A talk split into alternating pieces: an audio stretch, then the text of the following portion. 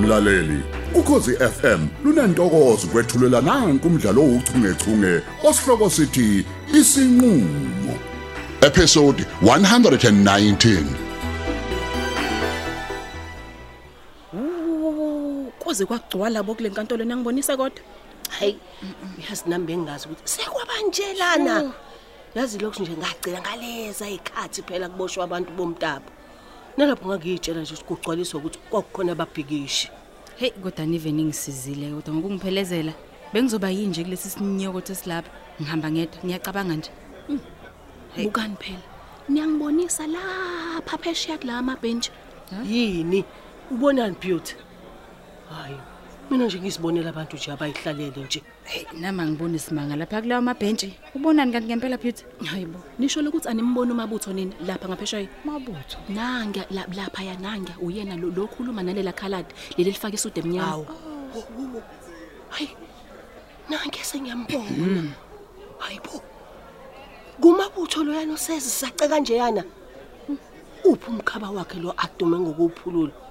uyambona olwethu nxangiya ngimbona kahle usazizace kancane usazoba amathambo lo tshela hayi olwethu hayi salusumxolela bandla Ayi, ayi, ayi. umvumela buyele kwakhe hawu uyambona kodwa uthi uyafa loya muntu hayi mazondo muso nje ukudlala ngo-olwethu Yes. udlala ngo-olwethu-ke manje ukhona umuntu ongaxoleli iphara iphara phela leli loya muntu uyambona nje ukuthi akasagezi nokugeza eyibo kodwa uqedelani ngensini webeauty njengoba ngi- ngisho nje ukuthi usazomshaya umhlaba lo angiyonto okuganga mina hawu mabutho mzolo olwethu mzolo ngenani enkantolo liyaqala icala leni khona manje heyi sekunjalo bangani bami sekuyasuka-ke lokho manje asingeneni ngaphakathi ecotroom good luck mngani lake olwethu uyeke ukutatazela ukhuluma okwazwile Hey okay thanks guys thanks a lot kodwa ke khona uvalo likhona ngifuna uqamba manga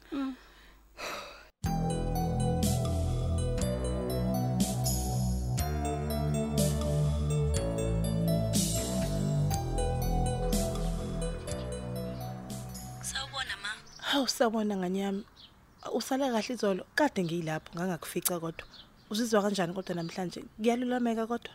Hayi kusenjalo nje ma bengingakawuzi umehluko ongako. Mm, ayi akushona ntombi yami kuyazwakala nje ukuthi ngathi nomoya wakho uphansi. Eh, Awusho ke nganyami a- akwenile ngalapho. hayi cha kwenile ngingedwa ma. Yini kwenze njani? Hayi cha mntanami akukho kuthini. Bengifanele ukubuza nje la ntombi yami ukuthi awunalo yini ulwazi ukuthi ubaba wakho kade ezothini kumina izolo ebusuku. Hey buma, wabuza mina. Yini ndaba wena ungathathi ifoni ufonele ubaba umbuze ukuthi ubezowenzana endlini yakho? Hayi bozara mntanami. Sekukhulunywa kanjalo noma wakho? Kanjalo ini ma. Ukuthi kuyangidida nje u- u- ukubuza kwakho mina. Angazi indaba.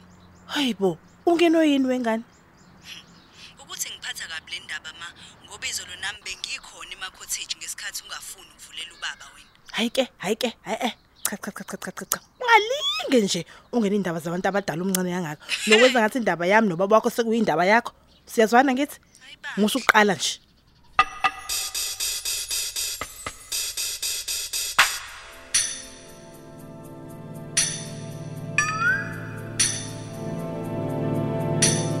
Ngibonge Nkosi enkantolo ukuthola ithuba nami lokuphosa ummangalo ophinde abe ngufakazi. Mase simzolo. Kuyiqiniso kangakanani ukuthi ekhaya mase kuvele kungekho ukuthula ngesikhathi kwenzeka lokhu uthi kwenzeka. kuyiqiniso Ngabe unalo ulwazi lokuthi ukuthula kwaqedwa yini phakathi kwakho nomyeni wakho? hayi phela kwakuqedwa nguye vele umabutho njengoba wayehlala ngokungisabisa nje wazwagcina ngakho ukungishaya Eh, Mase simzolo. Bengicela uqoqule imlwi wakho uma ukhuluma lapha ngaphakathi enkantolo. Okunye futhi engicela ungenzele kona, ngicela uMr Mzolo umbize ngommangalelwa njengoba silapha enkantolo. Siyezwana na? yebo siyezwana Ngiyabonga kakhulu. Eh Mase simzolo. Usakhumbula yini ukuthi sekukangaki ummangalelwe ekukhuza ngendaba yakho yokuphuza utshwala uzuzichamele? Thula enkantolo. Ungaphendula Mase simzolo ukuthi kukangaki udakwa uze uzichamele. angikazeke ngikwenze lokho mina angikaze nje ngiyichamele ngiphuza utshwala Kungabe uneminyaka emingaki ke mesisimzolo uphuza utshwala obushisayo phecelezi ugologo. Hayibo, mina angiphuzi nje mina ugologo.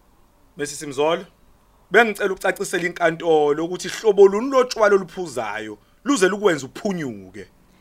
Bengithi sengishilo ukuthi angikaze mina ngize ngiphuze utshwala ngize ngiyichamele. Uma kwenzekile ngaphuza, ngike ngiphuze nje ama cider futhi nakhona hayi kakhulu. Oh, kungabe yiwo lawa kwenza ube nodlame uze ushaya umangalelwa na? Hayibo, ngoba ngamshani mina uma bu Oh, u- ummangalelo. Umbuzo uthi kungabe yiwo yini amasayida akho lawa akwenza ube nodlame na? Cha, kukho lokho. Ngiyabonga. Eh ngelanga othi washaywa ngalo. Kungabe wawuphuze wona yini futhi lamasayida akho washoyo? Yebo, kodwa ngangwaphuze kancane. Uma wawuphuze kancane lamasayida washoyo. Pho kwenzeka kanjani ukuthi ube nodlame njengoba wafika uphuzile, wadelela ummangalelo, waze wamshaya nokumshaya. Thula.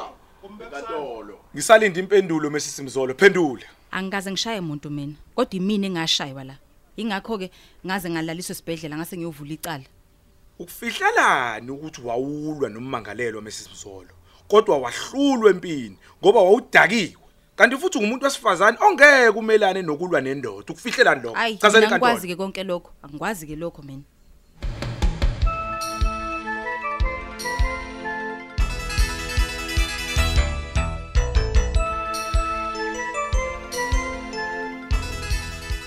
Hawu, Miss Nduli.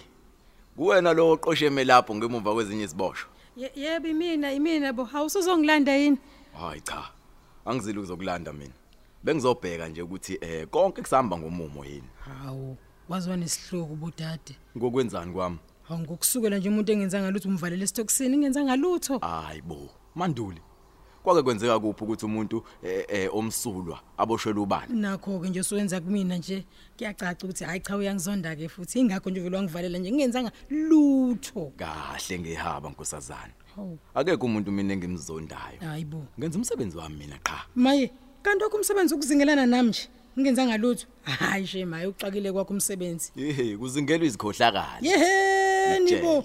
Washiya zonke ikhohlakala igcwele yonke indawo leminyango wavele wazoqonda mina nje ngqo kuphela nje hayi hayi cha baqinisile mengabe sicala lembula ingubo lingene hayi bo hayi cha nginebhadi mina hayi ngeke Vele ke icala lingumphiko. hayi bo lali angenza ngalutho nje mina thusi ngiyachaza nje uyazi ukuthi kuyicala ukubopha umuntu engenza ngalutho uyakwazi lokho buka nje mina ngi- nginjani manje emzimbeni ngibuke nje ukuthi nginjani manje emzimbeni wonke uyangibona ukuthi nginjani Unjani? Umzimba wami uyancinza nje Unjani? Angiboni mina ngoba eh uqokile nje. hayi bo manje usofuna ufana ngize ngikhumuluze ubone ukuthi ngi- ngiyalunyelwa umzimba wami bonke umzimba uyababa wonke nkosi yami Ah, hawu jesu Eh Mm, usho labo eh basakufikisa. bo. Eh, Kuzomele nje ubajwayele ngoba basazoba Ah, hayi bo Ah. bakho hayi bo uthanda uyadlala njalo mina ngidinga udokotela udokotela nje kuyimanje nje bakithi ngiyacela bakithi afike nje ngokushesha udokotela nkaze ngafa amaqhuqhuva abuka nje Wee. agcwele umzimba wonke Ushutwayi. Mm. Ngizokunika mina eh usawotu eh, uthi ukuzikhuhla nje ngawo umzimba lo. Ukhumbule phela ukuthi eh akukho top heels lapha. hawu kodwa thusi Mhm. uyazi na ukuthi izinto zoniwa ngomlomo iphinde ilungiswe ngawo futhi Uqonde ungizwele ukuthini phela ke, mfethu Manduli? ngiyacela mfethu Uqonde ukuthini manduli? ngiqonda ukuphela ukuthi sixoxe nje isizulu nje le isixoxe isizulu le ndaba mfethu sihlale phansi sixoxisane Eh lalela ke manduli. Mm. Anginayo mina inkingi uma sizolandela umthetho. Ngilalele. hayi asike isidingo sokuthi uqinise ikhanda lana uqinise nesandla sakho ngiyacela phela si- si- singabhekelelana mfethu u- u- sisizane U- Ukubhekelela lonjani ke lokukhuluma ngakho? uyazi kodwa nawe uma usukuzenza ingane mfethu sibadala mesingaka hawu Ungathi ubuyukhohle ukuthi eh ngingumuntu omthetho. Eh ngathi uyalibala. kahle bo uma usukuzenza umuntu ongcwele ngcwele lapha ngiyaza ngiyayazi le type yakho mina itype Mm. cha uyangididisa ke manje nansi into e- engakusiza ukuthi uvume icala ebese uyaxolisa Mm. lokho kuzokukhombisa eh, ukuthi ke uyazisola ngazo zonke izenzo sozenzile umthetho ungakwehlisela ngisho isigwebo sakho heyi wendoda mphini ngishilo nje ngathi anginacala ngimsulwa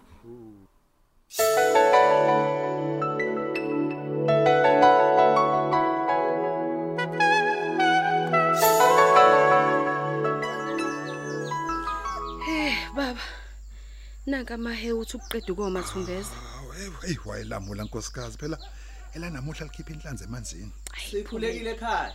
wewe wewe wewe owapi kodwa lo muntu ovakashila ngaliwe phansi kangaka awu awuthi kuyolunguza kancane nkosikazi Oh, kulimale mina uma kunguthi siyahlaselwa Hayi, wenzani bo, ingani ugogo? mina ngisaphuza amahewu nje Hayi khululeka baba ngizowagada nje amahe ukuthi angaphuzwa zimbuzi kunzima kabi ukuphakama kulomthunzi. Awu, sanibona ekhaya. Hayi bo. Awu, fano, kanti wena lo ndodayo Mina okundodana ma- okhulekayo. Ngiyaphila kodwa. Ah, Hey Hayi. bengisayibuza ukuthi hey ngaze ngaqobeka kwenze njani kanti wena ozayo Ah, Hayi hayi siyaphila fana, siyaphila khehle. Singezwa kuwena uyaphila kodwa. Ah. Hayi cha, akubi Mm. kangako. Sibonga kona ukuphila nje. Ah, ndodana, Yebo. impilo ibalekile. Ya, ibalekile impela.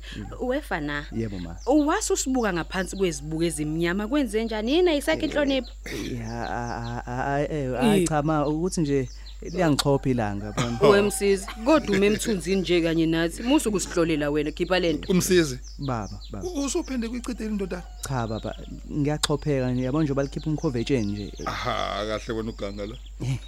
Hayi ngiqinisile baba, ngiqinisile ngempela. imkhuba yasemadolobheni awoyishiya le khona yini emadolobheni wemsizi U- ususa lezi zibuko ezimnyama emehlweni wena ho usihloniphe siyakhuluma ho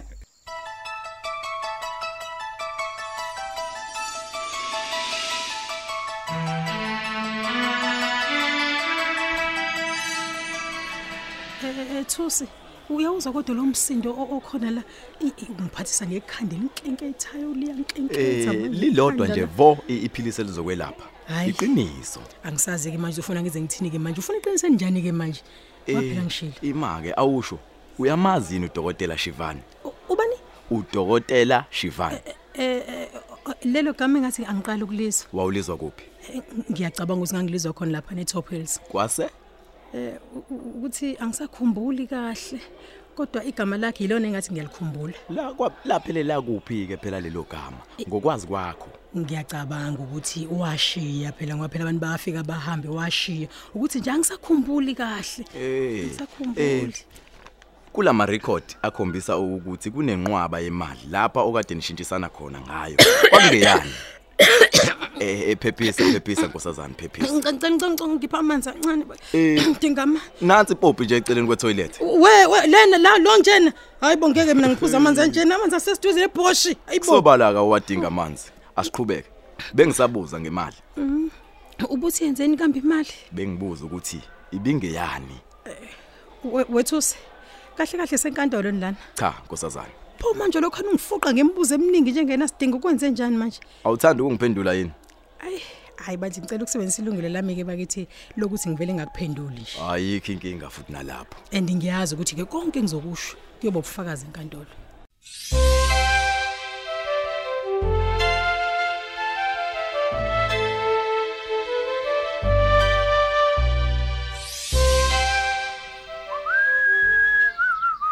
bafo bafo Aw hey yini wasushaye khona endlini manje sekwenze njani hayi mfowethu ingoba phela ngiphethe imphumela mfowethu ebuye lebo nansi mfowethu Hayi bo. ngibuye nayo Thanda unamanga, mkhenge. Ngiyakutshela mfowethu nansi ba A- awuvule phela sibone oh ayi nakho ke mfowethu awuweke mfowethu eh nazo ke uyayibona ke mfowethu hayi bo funda phela lapho mfowethu mina ngilalele hayi ke batho ososayensi mfowethu lapha la basele bathi eh lamahe watholakale enoshevu phakathi kanti lo shevu kuthiwa uyingozi kakhulu mfowethu hayi bo unamanga mfowethu ehena bafo kuthiwa lo shevu ubizwa ngesyanide hey isingesi esikhulu awukahle mfowethu ngesingisi esikhulu mana mana hayi bo impilo yengane mfowethu ibisengcupheni ngempela ke phela kanzima mfowethu mana ke mfowethu into engiyibuza yona ke lapho ukuthi ke lo chef ungene kanjani emahewini webafo ucabanga ukuthi mhlambe mfowethu kukhona umuntu omfakelile eh, umntwana le- lo shevu maheweni okanye mhlawumbe lamahewe avele efike nawo shevu yabona a- angisazi ngempela ke manje angisazi ke manje mthambo Bafo, ba- bayaqhubeka bayachaza lapha bathi eh lo shevu utholakala ezibhedlela nakhona kuba yisemalebho mfowethu emalebho Eh. hayi bo mfowethu uyabona ke sisiyangidida ngempela ke manje lento Eh. amahewu mfowethu afika kanjani bafo eh zifundele wena ngoba ngathi awungikholwa mi thatha thatha Yabona-ke uyifundele wena mfowethu, mfowethu awuma, ngoba ume ngathi ngibone. awungikholwa. mana ngibona ya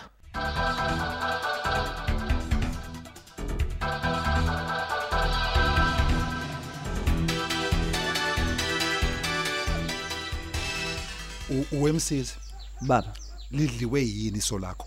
eh yekeni bakithi msizi ngubani lokushayiwa kuvalihlo ah, hayi muntu umuntu ma muntu. Usho kanjani ukuthi umuntu? Iso lakho ngingazi ukuthi ilobot lasedolobheni. Ah, eh, eh, cha isemsebenzini into enzekile ngishawe isicapha ngisuka yeyi wena msizi wemsizi akusho ukuthi uma singafundile thina sizibhukupuku uyezwa Yebo. umuhle uzowubani kanjena Oh, Hey, ulimele ngempela lo mfana.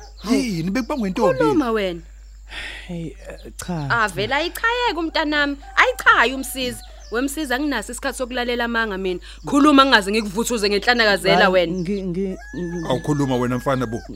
khuluma mani usuqaleni ukuba namalimi wena msizi usunamalimi manje cha ma ngi- ngishaywe eh, wemsiza ma. msizi usubhema idakamizwa msiza cha cha ma pho kwenzakaleni ngeso lakho hayi lutho liz- lizophola ma khululeka nje. kukhona ukushaya amanzi lawe gogo Ndodana. kukhona futhi Ma. uyothi ngasho Ndodana. Yebo baba.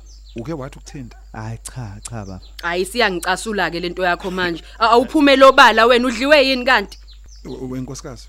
baba Abengicela nje ukuthi usiphethuba sethu ukubhunga lapha nendodana. Ngicabanga ukuthi lena ifuna amadoda. hayi asithembe ukuthi uzokhuluma kahlukane nalemkhuba yakhe engasile kunganjalo nami ngizommukuza futhi Umsizi indodana. Baba. Ngicela ukhuleke. Yebo. Vula isifuba sakho uthululwe konke. hayi ngiyezwa baba ngiyezwa Ngiyathemba indodana. Konke sokubhunga la kuzophela la. hayi ngiyezwa Kuphela kanjalo ke umdlalo wethu ouchungechunge osihloko sithi isinqulo. Ababhali uLerato Tuwe, uMandla Dlovu, uJabulani Njali kanye noyenziwe Sithole. Kanti lo mdlalo uqoqwwe ngaphansi kweso lika Dolly Ogle. Olethelwa ukhozi FM.